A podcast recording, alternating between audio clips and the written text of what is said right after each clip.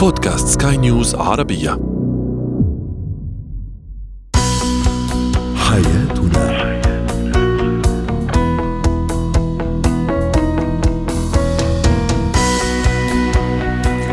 مستمعينا الكرام أهلا بكم معنا إلى برنامج حياتنا برنامجكم اليومي الذي يعنى بشؤون الأسرة وباقي الشؤون الحياتية الأخرى والذي يمكنكم الاستماع إليه عبر منصة سكاي نيوز dot com slash podcast وباقي منصات بودكاست الأخرى. معي أنا أمال شاب نتحدث اليوم عن الزواج عندما يكون معرقلا أو مساعدا لتحقيق الأهداف. سنتحدث متى يكون معرقل ومتى يكون مساعد ومشجع.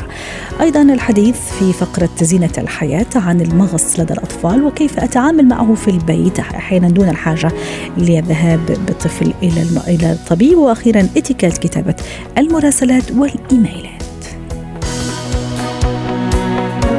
وهي.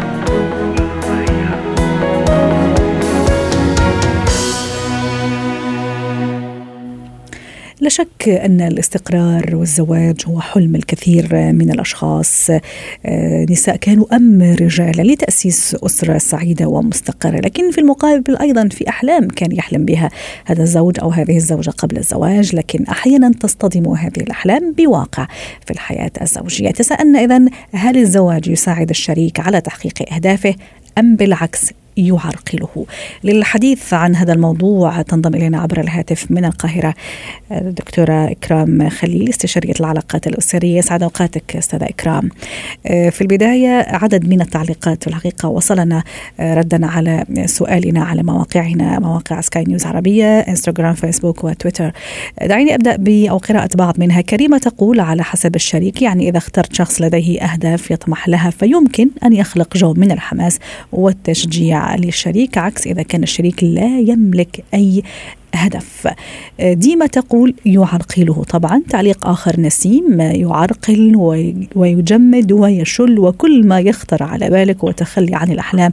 حتى ولو كانت بسيطة نرمين تقول عندما يكون الزواج مبني على أسس صحيحة وقوية فقوية منها الاشتراك في كل شيء ومحو كلمة الأنانية وقتها تتحقق.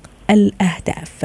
أستاذة إكرام ما رأيك أنت؟ ماذا متى يكون الزواج فعلا دافع لتحقيق الشريك سواء كان زوج أو زوجة لأهدافه والعكس صحيح؟ آه، مساء الخير اولا واختيار الموضوع جيد جدا. الحقيقة في الجواز ضمن أهدافه إن أنا بختار شخص يكون متلائم مع أحلامي. إحنا كتير بنغلط إن بناخد أشخاص مختلفين عن أحلامنا وأهدافنا.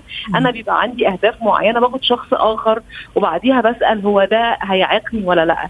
هو في البداية إن كل شخص يبقى مخطط لحياته وبيشارك شريك حياته الآخر وبيقول له أنا عندي أهداف أو في المستقبل وبنتفق ولنفرض إن جات لي حاجة بعد الجواز مفاجأة. وبنتفق بنحط rules إن حتى الحاجات المتفق عليها ممكن يبقى إحنا هنتناقش فيها إزاي. حضرتك مثلا تشيرين ست إكرام مثلا جاتني مثلا بعثة للخارج offer إيه. مثلا في مكان ثاني. هذا ما تقصدين إليه صح؟ طبعا إحنا بيجي حاجات مفاجآت. إحنا ممكن يكون مخططين حياتنا وبعديها شغلي وقف في البلد دي وجالي آه، خطة تانية في مكان بمرتب أفضل ومستقبل أفضل وهي مش عايزة تسيب البلد أو العكس. في في الحالة دي لازم يكون في آه، نوع من أنواع إن إحنا بنمسك ورقة وقلم ولازم يبقى في اتفاق. الاتفاق هنا أنا بخاطب دلوقتي الزوجين إني أنا لازم أخرج بره نفسي أنا في الجواز دي شركة. الشركة دي مش ببص على مصلحتي أنا احتياجي أنا ذاتيتي أنا. في الحالة دي أنا بتحول لشخص اناني وبأذي الآخر. أنا هنا الجواز ده شركة. الشركة دي لازم الاثنين يكونوا موافقين عليها. إني أنا مش ذنب الآخر إنه هفاجئه بتغيير من غير ما يكون موافق. والآخر كمان لازم يحترم التغيير ده ممكن يكون بيفيد في مستقبل الآخر. يعني لازم يكون الاثنين موافقين على مبدأ الخروج بره الأنانية. جميل رائع. أستاذ إكرام أيضا يعني أحيانا يعني دائما الشماعة اللي نعلق عليها أحيانا الفشل بين قوسين خاصة بالنسبة للزوجة إذا أسمح نفسي يعني أشير لهذا النقطة. مثلا أنه جابت أولاد مسؤولية الأطفال ثم الانشغالات يعني تعددت وصار الأولوية ممكن للأولاد وأكيد في النهاية الأولوية للعائلة هي هي طبعا الشيء الأول والأساسي. لكن أنا كيف أوافق؟ وأيضا ما هي ما هو دور الشريك في هالحالة؟ إذا كانت الزوجة مثلا هي اللي كان عندها طموح ومثلا ممكن حابة تكمل دراستها وتستمر وتفتح مشروع وما إلى ذلك. لكن فجأة الأولاد والبيت والمسؤولية شوية يعني قلصوا من هذا الأحلام. مسؤولية الشريك كيف تكون أستاذة إكرام؟ بصي أنا عايزة أخذ سؤالك على جزئين هرد على جزئين. إن ده في جزء أنت طرحتيه بشكرك عليه جدا. ونفسي أقوله إن في زوجات كتير قوي بيغلطوا غلطة كبيرة إنه بيفقدوا هويتهم وهوية جوازهم. يعني إيه هويتهم؟ يعني أنا عشان الولاد فبنتحر نفسيا ما بقاش أنا موجودة. أنا مش بقول إن إحنا ما نهتمش باولادنا بس أنا بقول لكل شيء حدود وليه شيء ملامح. في نفس الوقت أنا بنسى جوزي عشان ولادي. في الطيران ضمن الحاجات وإحنا طالعين الطيارة بيدونا إرشادات لما بعد الشر صحيح. على أي حد الأولوية لنفسي لنفسي علشان أقدر أرعى اولادي ضمن الحاجات اللي إحنا بنقولها للصحة النفسية الزوج والزواج انت اولا. يعني لازم تاخدي وقت لصحتك النفسية ولشكلك ولجمالك ولجمالك النفسي. أنا مش بتكلم في الجمال شعر وكوافير بس أنا بتكلم إني أنا أرعاني وأحافظ على سلامي فهبدا أكون أم سليمة وزوجة سليمة. فأنا لازم آخد وقت مع نفسي وأرعى نفسي. لما أهتم بحالي بنفسي أنا هقدر أهتم بأطفالي. فده اسمها إحنا بنعرف نبقى ناضجين في اختياراتنا. لكن في حاجة اسمها الاحتراق. م. الاحتراق إن أنا أشتغل أشتغل أشتغل أشتغل. تقولي طب انت ما تعرفيش اللي بيحصل. لا أنا أعرف إن أنا أدبر وقتي. إني. ممكن أطلب مساعدة من أهلي. إني هسيب ساعتين وأطلع أتمشى أخد بعمل حاجة بحبها. في الحالة دي أنا بعمل شيء لنفسي. طب افرض أنا عندي أحلام وطموح وبعمل أحط وقت. أولادي في المرحلة الأولى في طفولتهم محتاجين لي وبنصح كل أم إن في المرحلة التكوين الوجداني ليهم إن فعلا نديهم كل الوقت. لكن بدأوا يكبروا ويعتمدوا على نفسهم أبدأ من جديد أحقق ذاتي. ممكن أعمل أشياء أنا بحبها حتى لو صغيرة بس أنا بعمل شيء لنفسي. جميل رائع. أستاذة إكرام حتى نختم الحديث معك. رائع وجميل في الحقيقة لنستي زوايا مهمة. بالنسبة للزوج أيضا من حقه هو الآخر يكبر في مشاريعه في أحلامه في طموحاته. هل تعتقدي انه الزوج يمكن شوي أكثر منطقي ويدافع أكثر على على أحلامه ومشاريعه وأهدافه في مرحلة الزواج ولا أيضا ممكن هو الآخر قد يقع في هذا الفخ؟ حتى نختم. بص الرجالة جنرال عندهم جزء, في تركيبتهم الإنجاز هو مه... حاجة مهمة في حياته م. يعني الراجل مش بيبقى سعيد لو عايش في أحلى حتة في العالم لو هي كانت الجنة حتى ومش بينجز. فلازم إحنا نحترم الحتة دي لكن بنخاطب الراجل إنك أنت وبتحب الإنجاز قوي في حاجات تانية معاها. الإنجاز وحده مش كافي في الحياة. عشان كده الراجل لازم ياخد حدود وياخد باله إني أنا وبمشي في آخر معايا مختلف. الآخر المختلف ده أنا محتاج أهدي من سرعتي في الإنجاز. مش مهم أنجز كل الإنجاز اللي في الدنيا بس المهم الآخر اللي هو بيتي. إني أكبر إنجاز لي إن أنا أحافظ على بيتي ونفسية زوجتي وولادي. والنهاردة ده دور للرجالة إن هم يبدأوا يشوفوا إنجاز نوع جديد. الإنجاز الثاني اللي أنت غير شغلك هو استقرار بيتك. ده برضو إنجاز. وبلفت نظر كل رجل بيسمعني النهارده. بقول له الإنجاز زي ما أنت حابب تنجز في شغلك حب إنك تنجز في استقرارك. رائع. شكرا لك أستاذة إكرام خليل استشارية العلاقات الأسرية ضيفتنا من القاهرة. زينة الحياة.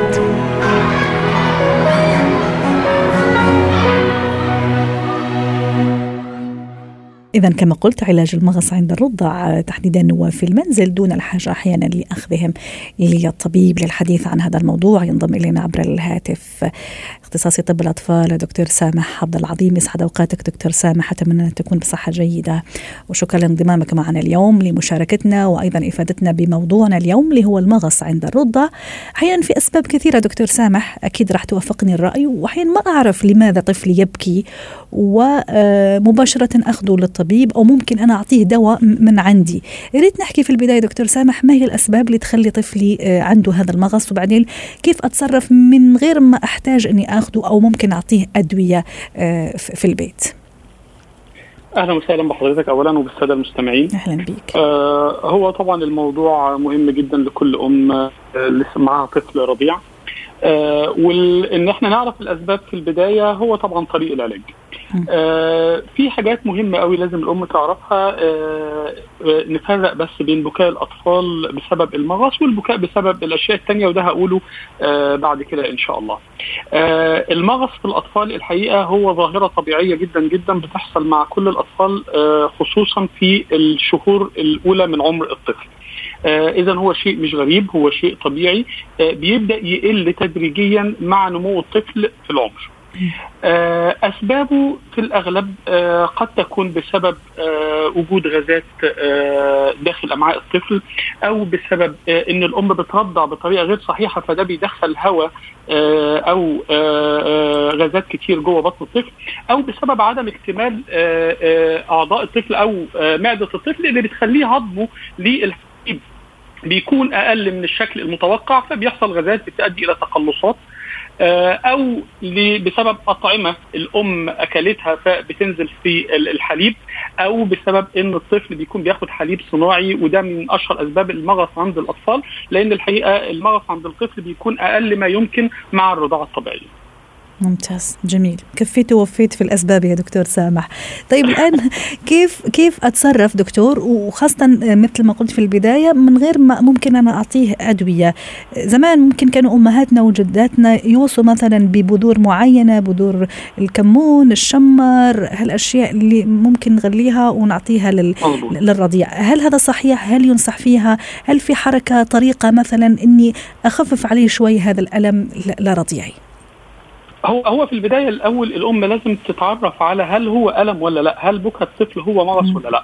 فزي ما دايما بنقول للأم إن البكى هو الطريقة الوحيدة للتعبير بالنسبة للطفل بيبكي لأي سبب مش لازم بيكون مغص يعني الطفل لو جعان بيبكي لو آه عنده مغص بيبكي لو آه جو الغرفة مش مناسب ليه بيبكي. لو عمل حمام وعاوز الأم تغير البامبرز بيبكي. آه لو هو محتاج الأم تشيله آه بحيث إنه يقرب منها بيبكي. اذا البكاء أسبابه كتير من ضمنها المغص. يبقى لازم مم. الأم بتفرق طب بكاء المغص في عنده في عنده دكتور سامح سامحني. بالزبط آه بدي بالزبط. أستفيد منك. في عنده بكاء المغص كذا يعني علامات آه. خلص راح تقول إنه لا هذا مغص فعلا. ده أنا أنا كنت لسه هقول حالا بالظبط كده. إحنا بنقول العلامات المغص اولا مع استبعاد الأسباب اللي أنا قلتها بالظبط. آه المغص بيبقى آه بكاؤه متواصل يعني بيكون متواصل مع الطفل حتى مهما شلنا الطفل اتحركنا بيه كل الكلام ده ما بيقلش. بيبدأ الطفل يعمل حركات عصبية برجليه بيشد الرجل على بطنه وبيكون عصبي جدا ما بيهداش سواء الأم شالته أو بدأت ترضعه أو صرفت فبيبقى البكا متواصل دي من علامات وجود المغص عند الطفل أو الشيء اللي تفرق بيه الأم بكا عن بكا ممتاز. طيب وكيف أتصرف دكتور؟ زي ما تفضل زي ما تفضلت في البداية عم تحكي على يعني حكينا خطوة بخطوة كيف أتصرف؟ في تدليك معين مثلا أعمله بزيت زيتون؟ في حركة معينة للرجل للبطن؟ وخلينا كمان نحكي على موضوع الاشياء عارفه اللي عارفة العلاج هيكون إزاي. آه. ولكن خلينا الأول نقول إن الأم لازم تتجنب الأسباب الأول. فإيه الوقاية من المرض نفسه اولا الوقاية بتكون إن الأم لازم تعمل عملية التجشيء أو التكرع للطفل في وسط الرضعة وفي آخر الرضعة بحيث إنها تخرج الغازات علشان تمنع المغص. ثانيا بنقول للأمهات في بعض الأكلات وشرب الشاي والكافيين والقهوة والكلام ده كتير بيزود نسبة حدوث المغص عند الأطفال. آه ثالثا وضع الرضاعة بيقلل حدوث المغص إن لازم الطفل يكون في وضع 45 درجة الأم ما ترضعوش وهو نايم أو كده ده برضو بيقلل حدوث المغص. ثالثا الرضاعة بشكل منتظم والرضاعة الطبيعية بتقلل المغص. طيب دي الوقاية من المغص. طب إذا حصل المغص والأم بقى طفلها بيبكي أول حاجة الأم بتشيل الطفل بتعمل له مساج على البطن المساج على البطن بيريح شوية وبيقلل نسبة الغازات أو بنقول آه للأم إنها بتحط الطفل على ذراعها على بطن على بطن الطفل على بطن على ذراعها بحيث إن ده بيقلل دي الوضعية دي بتقلل التقلصات والانتفاخات. دي الأشياء البسيطة اللي الأم بتعملها. بالنسبة للحاجات التقليدية اللي موجودة وأمهاتنا كلها بتستخدمها زي اليانسون والشمر والكمون الحقيقة استخدامها لا يضر ولكن بشكل بشكل مبسط يعني بدون إسراف شديد فيه وبننصح الأمهات إزاي. إذا مع كل الوسائل دي ما حصلش ارتياح عند الطفل أو فضل البكا متواصل أو كان البكا ده مصحوب بحاجات تانية لازم الأم تتوجه للطبيب مباشرة. جميل. طيب إيه إيه الحاجات اللي الأم آه، تقلق لو الطفل بيبكي ولازم تتوجه للطبيب؟ إذا كان في قيء مستمر بالذات لو كان في لون أخضر إذا كان في آه، دم في البراز آه، بتاع الطفل إذا الطفل توقف تماما عن الرضاعة. دي أعراض الخطورة اللي بتظهر مع المغص اللي الأم لازم تتوجه للطبيب مباشرة. جميل. دكتور سامح قبل ما تغادرنا في نقطة مهمة معلش أنا لفتت انتباهي موضوع زاوية 45 أو يعني حركة الخم هذه كيف تكون؟ يعني أنا لما أحمله زاوية تعطيني 45 صح؟ أيوه يعني بالظبط بنقول للأم إنها بتخلي الطفل على ذراعها. وذراعها يكون مايل. يعني كف اليد للأسفل والكوع لأعلى. الوضعية دي بتوفر للطفل الزاوية 45 اللي هي بيكون الطفل في وضعية يقدر يرضع بارتياحية شديدة وبتقلل نسبة الغازات اللي بتخش أو بيبلعها الطفل مع الحليب. شكرا لك دكتور سامح عبد العظيم على كل هذه المعلومات المفيدة. حدثنا عبر الهاتف من دبي اختصاصي طب الأطفال يعطيك العافية. اتكات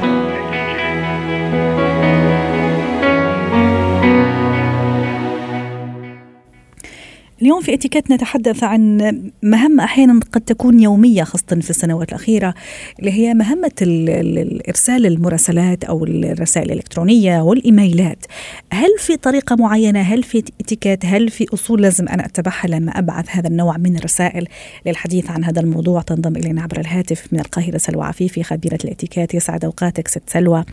آه، كيف أكتب رسالة إلكترونية أو. آه، إيميل عفوا مثل قلت مثل ما قلت إنه صار تقريبا مهمة يوميا نعملها بشكل يومي سواء للزملاء سواء لمديري سواء لإدارة معينة سواء لجهة عمل معينة أيضا. يسعد أوقاتكم. يسعد اسمحي لي أن مساك أبدأ. طبعا مثل ما ذكرتي إنه هو وسيلة فعالة جدا من وسائل التواصل في العمل أو في الحياة الاجتماعية عموما ومستمر معنا منذ سنوات. وأكيد الإتيكيت هو فن التواصل فأكيد هناك إتيكيت للإيميل. عناصر التواصل حينما نتحدث وجها لوجه لدينا كل عوامل التواصل من لغة جسد ومن صورة وشكل ونبرة صوت وكلمات. إذا تحدثنا على التليفون فقدنا الصورة. إذا كتبنا فقدنا الصورة والصوت. فالذي أكتب إليه لا يسمعني ولا يراني. فهنا يأتي التحدي. فطبقا لدراسة ألبرت مهريديان في علم التواصل يتبقى إليه فقط 7% فقط. ومع ذلك أنا أكتب بطريقة واعية. يعني لا أتحدث مثلما أنا أرتجل الآن مثلا. لا أنا أتحد أنا أكتب وأفكر ولدي كل الوسائل. ممكن أمسح وأراجع ويعني لدي قدرة على التفكير. إذا لا يسمح بالأخطاء في الكتابة. هذه نقطة مهمة جدا. أخطاء إملائية ولا أخطاء؟ تعبيرية بين قوسين. ولا أخطاء إملائية ولا أخطاء تعبيرية ولا أخطاء في إرسال المرفقات مثلا. جميل. لا يسمح بالأخطاء. لا بد أن يكون الإيميل error free يعني خالي من الأخطاء. لأني أنا عندي كل وسائل الت- التواصل. يعني الآن مثلا ت- تلعثمت مثلا في الكلام يمكن أن أعيد الكلمة لأني أنا أرتجل الآن أما في الكتابة لا يمكن لأني عندي كل الوسائل. فهناك آه، بعض النقاط لابد أن نراعيها، أول شيء لابد أن أسأل نفسي هل هي الوسيلة الأفضل لتوصيل الرسالة أم يمكن أن مثلا أقضيها بالتليفون مثلا؟ آه، ومع ذلك آه، لابد أن أسأل أيضا ما هو الهدف من إرسال هذه الرسالة؟ هل هي فقط لاخطار القارئ أم للحصول على آه، موافقته مثلا؟ لابد أن أعرف من قارئي وهذه مهمة جدا، هل يحب التفاصيل أم يحب المختصر المفيد؟ فلابد من مراعاة هذه النقاط وكثير من النقاط أيضا سأذكرها حينما أتحدث عن ذلك. هناك أيضا خطوات استاذه أمال. أول شيء حينما نفتح الإيميل ننشئ إيميل جديد رجاء لا نكتب اسم أو عنوان الإيميل المرسل إليه. فلندعها آخر نقطة. بماذا نبدأ؟ نبدأ اولا بكتابة ال subject أو الموضوع. هذا أول شيء. وهذا هو الذي سيقودني إلى باقي التفاصيل. ال- التفاصيل في ال- العنوان يكون مختصر و to the point يعني محدد ويسهل عملية البحث فيما بعد. لا يزيد عن خمس كلمات إلى 12 كلمة بالكثير. ثاني نقطة أعملها أنه أرفق المرفقات. إذا كان هناك مرفقات في الرسالة لابد أن أرفقها وأعيد فتحها لأتأكد أن هذه هي النسخة المطلوبة. هذا يعفيني من أني أرسل إيميل آخر للاعتذار. عفوا نسيت آه أن أرفق المرفقات. وهذا ما يحدث مع كثير منا. ثم أبدأ في كتابة النص نص الرسالة. نص الرسالة لابد أن ينقسم إلى ثلاثة أقسام. أول شيء الافتتاحية ونسميها سالوتيشن وفيها أكتب اسم الشخص المرسل إليه مع مراعاة الألقاب إذا كان دكتور إذا كان أستاذ إذا كانت أستاذة. آه، بعض الأحيان يختلط علينا الأمر في الأسماء الأجنبية ربما. فهنا لابد أن أبحث عن هذا الشخص. أو في هذه الحالة لو بالإنجليزي مثلا أكتب الاسمين. مثلا إذا كنت أنا أجنبية لا أعرف إذا كان مثلا اسم سلوى هو سيدة ولا سيد فأكتب سلوى عفيفي ولا أكتب السيدة أو السيد حتى لا نتلاشى هذه الأخطاء. ثم أبدأ في كتابة الرسالة. أثناء كتابة الرسالة نفسها لابد من أيضا إلقاء كلمة تحية. يعني مثلا نقول ربما كل عام وأنتم بخير حسب المناسبة أو أتمنى أن تصلكم رسالتي وأنتم في أحسن حال. لكسر الجليد وبناء الألفة. ثم الرسالة. أستخدم الكلمات والعبارات السهلة والسلسة. دائما لغة البزنس تكون لغة سهلة وسلسة. أستخدم العبارات الإيجابية وليس أو المبني للمعلوم وليس المبني للمجهول. يعني أذكر الفاعل في الجملة يعني. إلا إذا كنت مثلا يعني أنوه أو أذكر شيء سلبي مثل مثلا آه، تأخر الموظف الفلاني في إرسال الرد. لا أوجه هذه بالطريقة المباشرة بل أقول تأخر وصول الرد إلينا ولا أتهم شخص معين مثلا. آه الكلمات والجمل لا تكون طويلة جدا والعبارات أيضا أو الفقرات لا تكون طويلة، يعني الفقرة مثلا وهي تحتوي على فكرة واحدة أو نقطة واحدة بالكثير تحتوي على خمسة جمل جميل. وهنا لابد أن أستخدم علامات الترقيم إن كانت فاصلة أو نقطة أو فاصلة منقوطه طيب. أو علامة استفهام طيب. ونتلافى استخدام علامات التعجب لأنها ليست من آه، الرسميات يعني طيب. في ذلك في عشر ثواني ست آه سلوى حتى نختم أيضا okay. بالنسبة للختام وبالنسبة للتحية الأخيرة يعني. طول الإيميل لا يزيد طول الإيميل عن حجم الشاشة يعني لا أضطر القارئ إلى أن يعمل scroll up scroll down طول الوقت آه لازم أن أختم بالتوقيع ويكون يحتوي على توقيعي واسمي وال title والأرقام التواصل ان امكن آخر شيء قلنا نكتب ال to فلان. ال CC أحيانا اللي هو النسخة آه،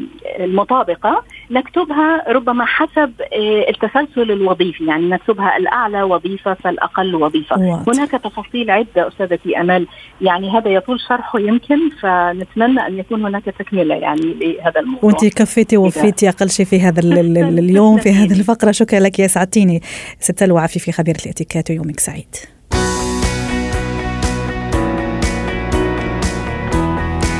ختم برنامج حياتنا. شكرا لكم وإلى اللقاء.